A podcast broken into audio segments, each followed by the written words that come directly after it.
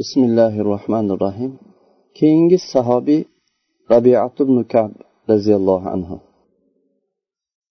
Rabiat ibn kab rasululloh sollallohu alayhi vasallam bilan jannatda birga bo'lishlik uchun ya'ni jannatda birga bo'lishlik bu bilan nasibador bo'lishlik uchun ibodatda ko'p zahmat chekkan zotlardir xuddi dunyoda rasululloh sollallohu alayhi vasallamga xizmat qilib rasululloh sollallohu alayhi vasallamni suhbatlarida birga bo'lgandek jannatda ham birga bo'lishlikka ibodatda qattiq zahmat chekkan zotlardir. Rabiyat ibn kab u kishi aytadilarki iymon nuri bilan meni ko'nglim yorishgan vaqtda yosh edim. Islomni islom g'oyalari butun meni qalbimga to'lgan edi. Rasululloh sollallohu alayhi vasallamni birinchi ko'rganimda ko'zim quvongan vaqtda men rasululloh sollallohu alayhi vasallamni shunday yaxshi ko'rdim.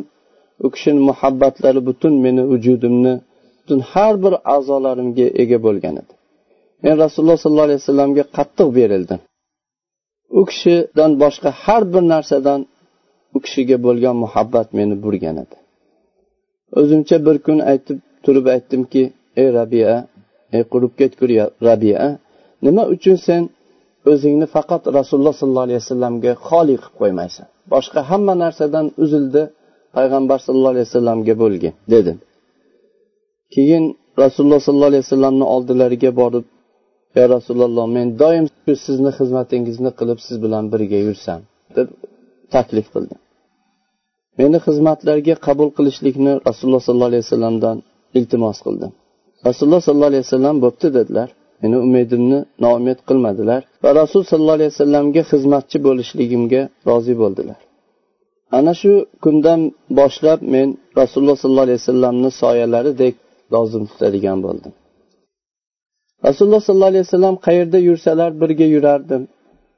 Rasululloh sollallohu alayhi vasallam dunyolarida qanday aylansalar birga aylanardim. Rasululloh sollallohu alayhi vasallam qachon menga qarasalar shunday ko'zlari bilan qarasalar men oldilarida shunday tayyor bo'lib turar edim. Biror bir hojatni xohlasalar shu hojatni o'tashlikda meni shoshilib turganligimni topardilar. Kunduzi kun bo'yi rasululloh sollallohu alayhi vasallamga xizmat qilardi. Kech kirib rasululloh sollallohu alayhi vasallam xuftonni o'qigandan keyin uylariga kirib ketardilar. Men qaytib ketishlikni maqsad qilardim lekin o'zimcha aytardimki qayerga qaytib ketasan ey rabiya shoyatki kechasida rasululloh sollallohu alayhi vasallamni bir ishlari chiqib qolar. Derdimda shu eshiklarida o'tirardim. Uylarini ostonasidan ketmas edim. Rasululloh sollallohu alayhi vasallam kechalarini tik turib namoz o'qib o'tkazardilar. Ba'zida rasululloh sollallohu alayhi vasallamni fotiha surasini qiroat qilayotganlarini eshitardi. Uni kechani uchdan birida takror qilishda doim bo'lganlik doim shu faqat fotihani takror takrorlab kechani qoyim qilishganlarini ko'rgan eshitganman. Hatto men charchab uni u kishini tark qilardim yoki ko'zimga shu uyqu menga g'olib bo'lib uxlab qolardi. Ba'zida rasululloh sollallohu alayhi vasallam samiallohu liman hamidah deb boshlarini ko'tararlardi.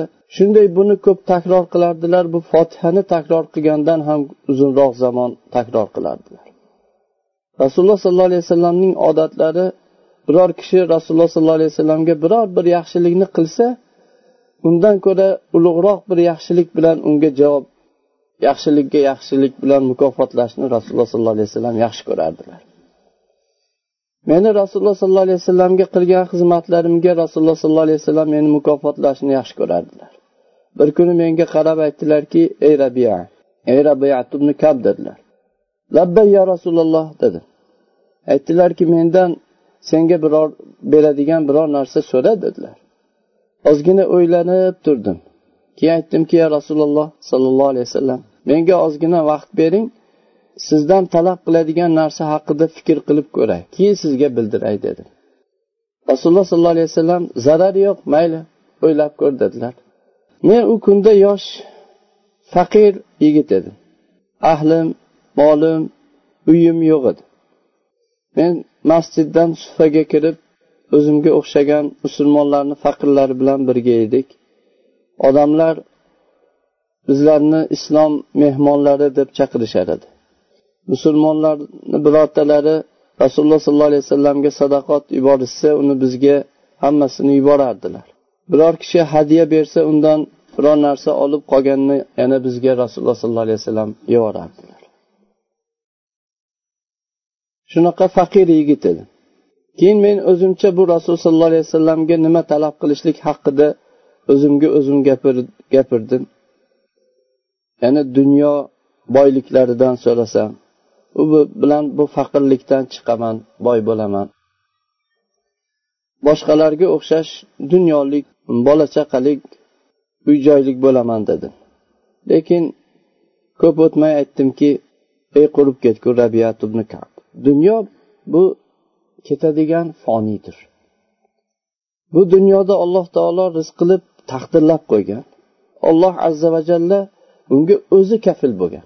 Dunyoda keladigan bu bizga beriladigan dunyo rizqi olloh o'zi kafil bo'lgan.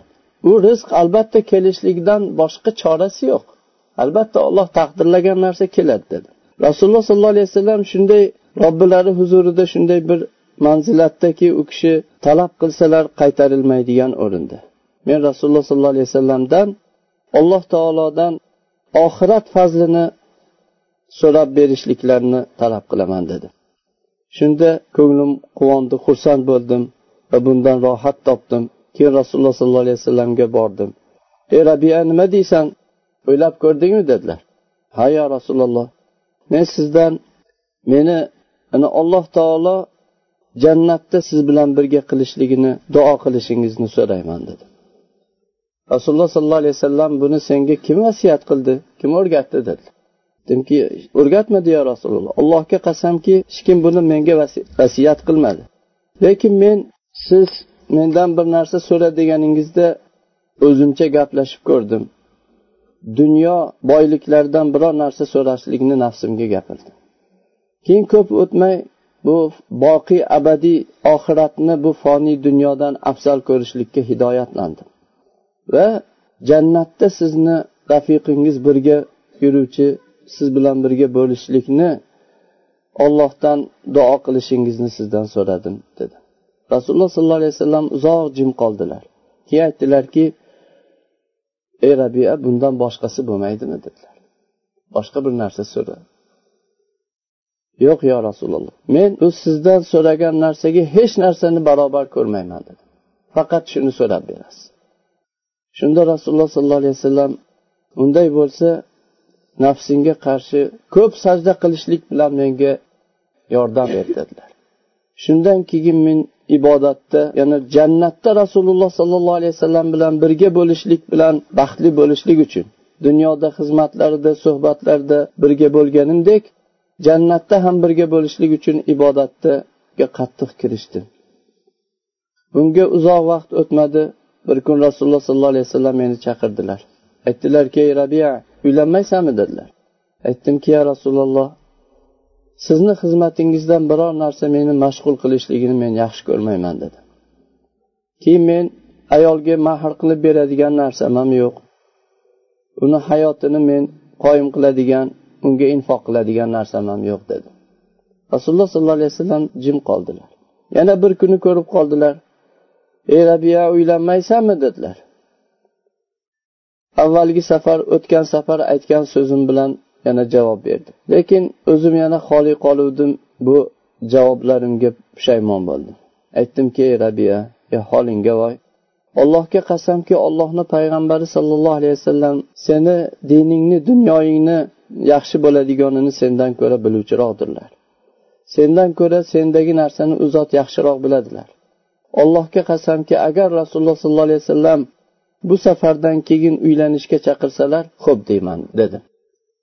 Bunga uzoq vaqt o'tmadi hatto rasululloh sollallohu alayhi vasallam menga ey rabia uylanmaysanmi? dedilar. Uylanaman ya rasululloh lekin kim menga qizini beradi? Men ahvolimni o'zingiz bilasiz dedi.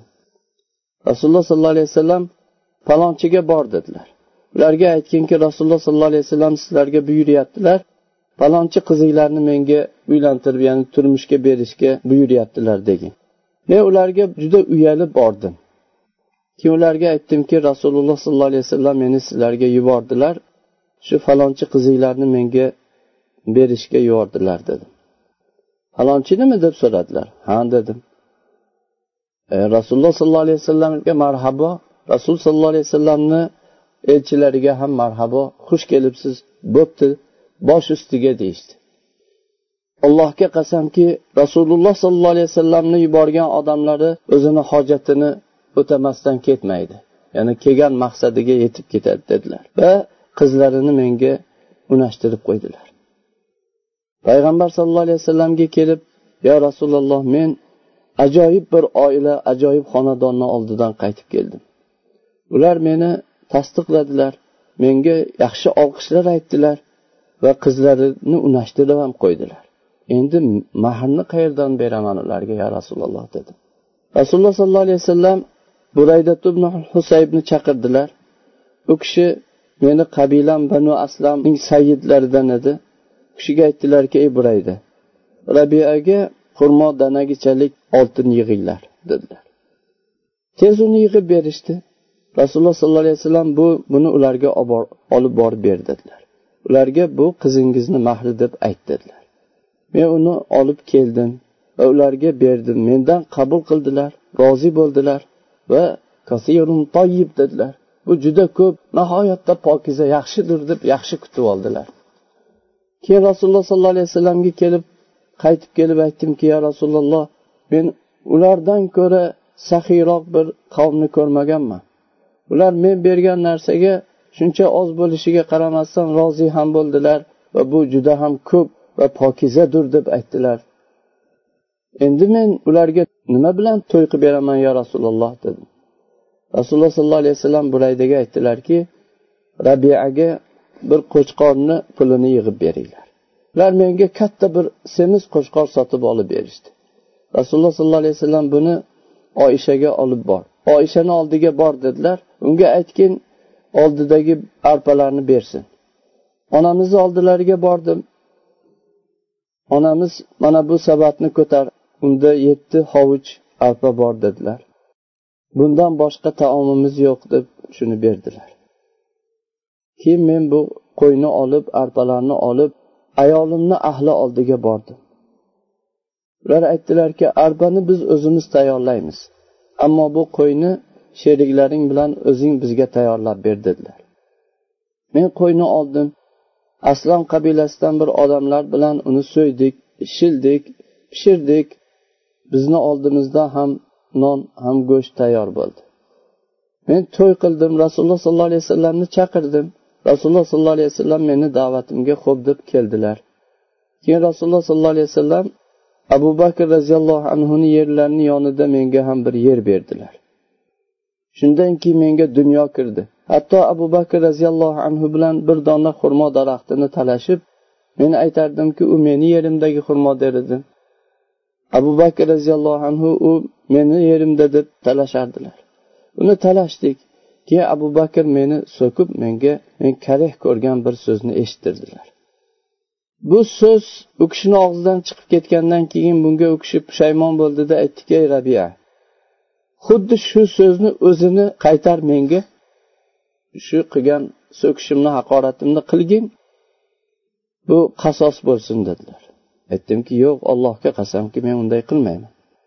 Abu bakr aytdilarki unday unday bo'lsa rasululloh sollallohu alayhi vasallamga boraman va u kishiga seni mendan qasos olishdan bosh tortganingni shikoyat qilaman dedilar. Va payg'ambar sallallohu alayhi vasallamga qarab ketdilar. Men ham izlaridan yo'lga tushdim. Meni orqamdan qavmim banu aslam menga ergashibdilar. Ular menga kelib aytdilarki bu kishi o'zi sizni so'kishni boshladi. Keyin yana rasululloh sollallohu alayhi vasallamga sizdan oldin u kishi yana ketib shikoyat qilmoqchi dedilar. Ularga burilib qaradim aytdimki ey holiylarga voy kim bu bilasizlarmi? dedi. Bu siddiq bu kishi. Musulmonlarni oqsoqoli dedim qaytinglar sizlarga ko'zi tushib qolishidan oldin qaytinglar. Sizlarni ko'rib qolsa u kishiga qarshi menga yordam berishlik uchun kelgan deb u kishi gumon qiladida g'azabi keladi achchig'i keladi. Keyin u kishini achchig'idan rasululloh sollallohu alayhi vasallamni ham g'azablari keladi. Unda alloh taolo bu ikkalalarni g'azabidan olloh ham g'azab qiladi. Sizlar halok bo'lasizlar qaytinglar dedi. Ular qaytib ketdilar. Keyin abu bakr siddiq roziyallohu anhu payg'ambar sallallohu alayhi vasallamni oldilariga keldilar. Va bo'lib o'tgan so'zni har birini qanday bo'lgan bo'lsa rasululloh sollallohu alayhi vasallamga shunday yetkazdilar. Rasululloh sollallohu alayhi vasallam boshlarini egib o'tirgan edilar unga boshlarini ko'tarib qaradilar. Aytdilarki ey ey rabia sen bilan bu siddiqqa nima bo'ldi? dedilar. Aytdimki ya rasululloh men menga aytganga o'xshash so'zni u kishiga ham aytishlikni mendan talab qildilar. Men qilmadim. Rasululloh sollallohu alayhi vasallam to'g'ri qilibsan. Sen uni aytganiga o'xshashni unga aytma dedilar. Lekin sen olloh abu bakrni gunohlarini mag'firat qilsin deb aytgin dedilar.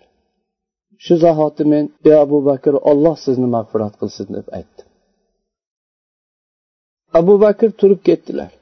Lekin ikki ko'zlari ko'z yoshlari shu to'lib oqib ey rabiat ibn kab olloh mendan seni yaxshilik bilan mukofotlasin.